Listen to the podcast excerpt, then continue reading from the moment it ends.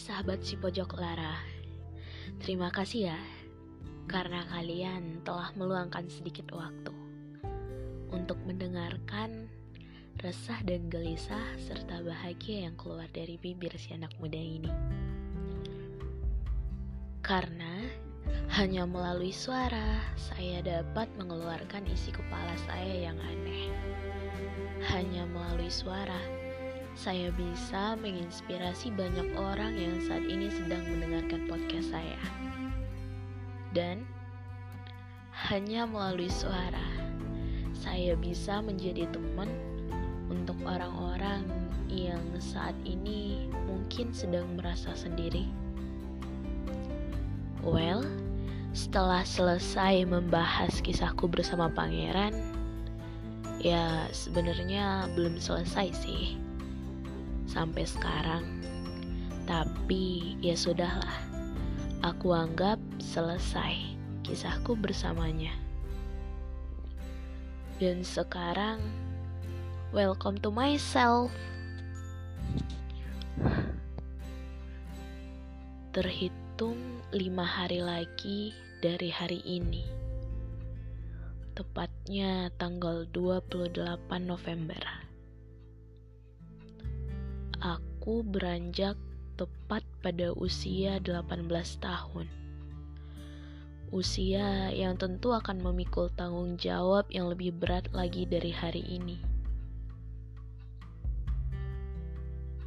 Boleh nggak kalau aku ingin kembali saja pada umur lima tahun? Iya, di saat aku menjadi satu-satunya putri kecil yang menggemaskan Andai saja aku bisa kembali pada masa kecilku, pasti aku akan lebih memilih selalu menjadi putri kecil yang imut dan menggemaskan.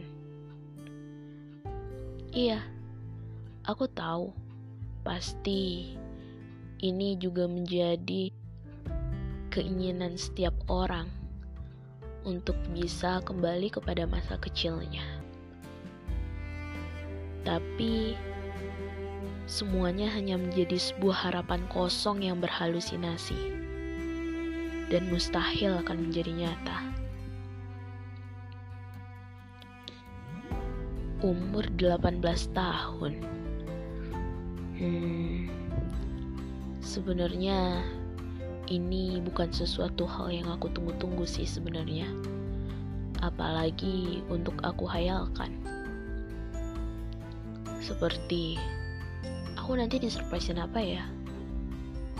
Aku nanti dikasih kado apa ya? Dan aku akan tiup lilin di mana ya nanti? Siapa aja yang ngasih aku surprise? Tidak. Itu semua tidak masuk ke dalam kualifikasi yang ada di dalam pikiranku saat ini. Ya, biasa saja tidak ada yang kuharapkan. Toh, selama 18 tahun aku hidup di dunia ini, ya gitu-gitu aja saat hari ulang tahunku tiba. Seperti malam yang sunyi tanpa bunyi. Oke, lupakan tentang surprise ulang tahun. Kita fokus pada umurku. 18 tahun itu artinya tinggal hitungan bulan. Aku akan beranjak dari istana tercinta menuju tempat yang baru. Tempat yang saat ini sedang menanti kehadiranku. Akhirnya, mimpi yang dari belasan tahun lalu aku tunggu akhirnya tinggal hitungan bulan aku dapat mewujudkannya.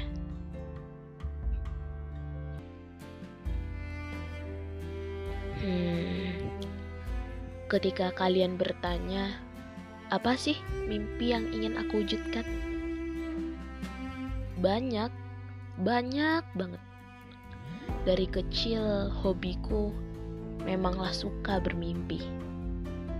Aneh ya? Iya, memang aneh Waktu kecil, Aku ingin menjadi seorang dokter. Iya, jawaban yang pasti akan sama ketika kalian bertanya pada anak usia balita. Pasti jawabannya ingin menjadi seorang dokter. Lalu, ketika aku melihat poluan cantik yang sedang bertugas di jalan raya, aku juga ingin menjadi seorang poluan, kataku. Terus, ketika aku menjumpai praja IPDN yang berkelana di bandara, aku dengan tegas berkata kepada bundaku, kalau aku juga ingin menjadi seorang praja. Dan ketika aku menyaksikan kakakku yang sering banget traveling, aku juga ingin masuk sekolah pariwisata agar aku bisa setiap saat traveling.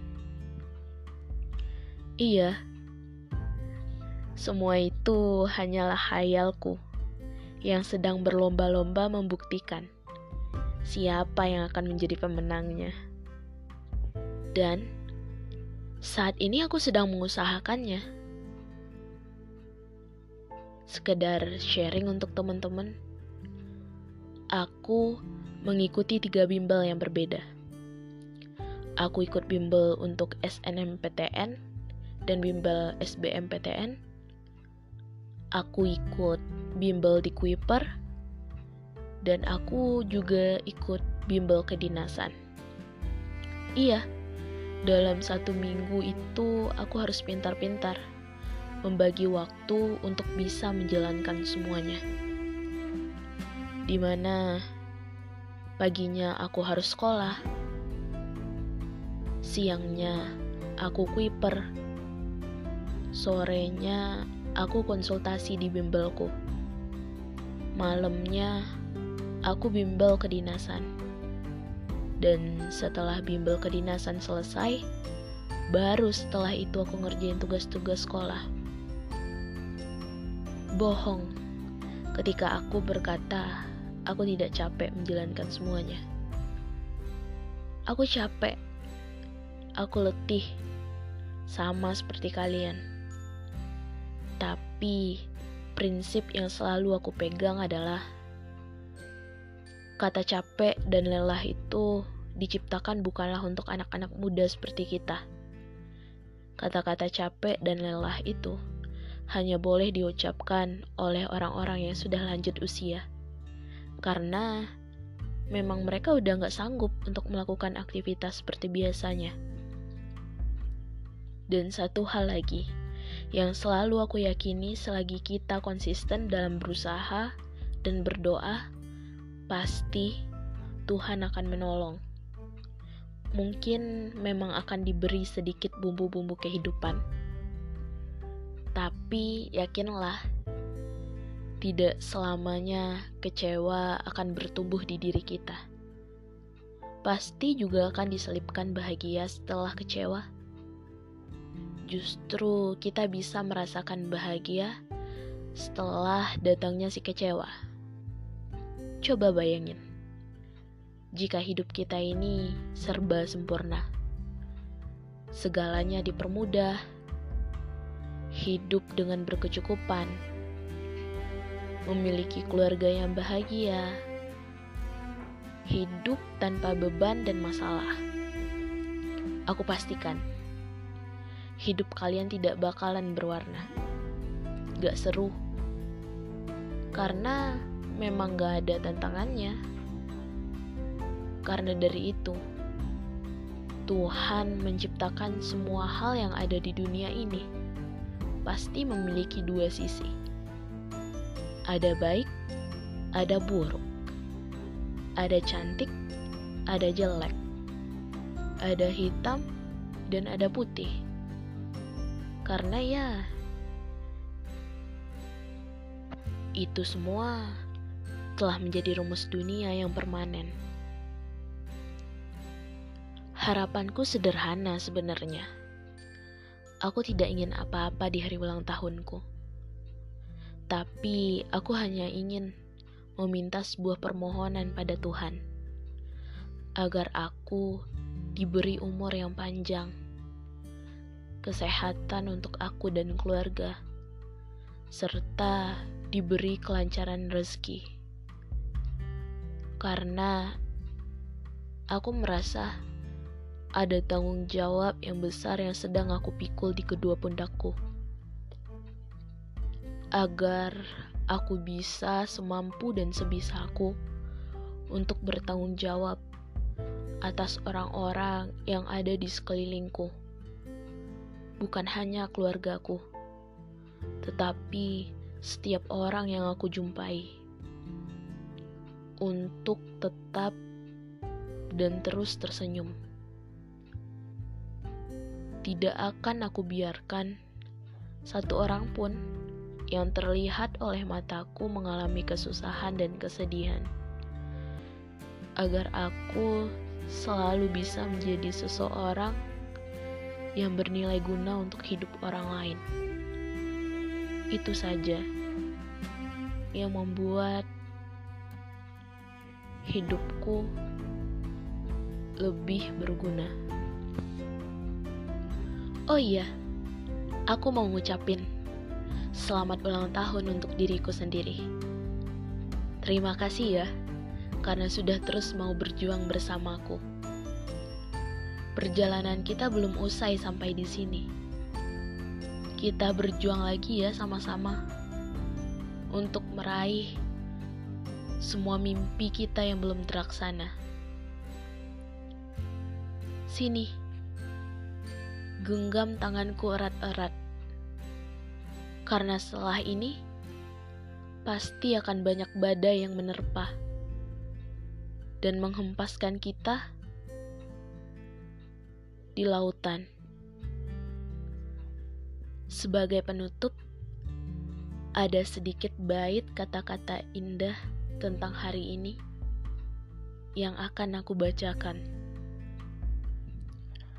Lelah, rasa itu yang terbelenggu di dadaku sekarang. Tak ada kemajuan pikirku. Seperti jam dinding rusak. Ah. Maju dan mundur. Hanya sekedar itu. Rasanya lelah menunggu. Kapan jarum jam itu akan bergerak ke depan? Tuhan, temani aku. Buat sahabat pojok Lara yang penasaran, ada cerita apa lagi yang akan aku suguhkan selanjutnya? Terus tungguin aku ya di podcast Pojok Lara. Karena satu dari kalian saja yang mendengarkan podcastku itu sangat berarti untuk karyaku. Oh iya, buat teman-teman juga akan ada kotak surat yang akan membahas surat kecil dari teman-teman yang telah dikirim ke IG-nya kita at pojoklara underscore. Terima kasih ya yang sudah setia mendengarkan podcast Pojok Lara dan sekaligus sudah menjadi sahabat si Pojok Lara.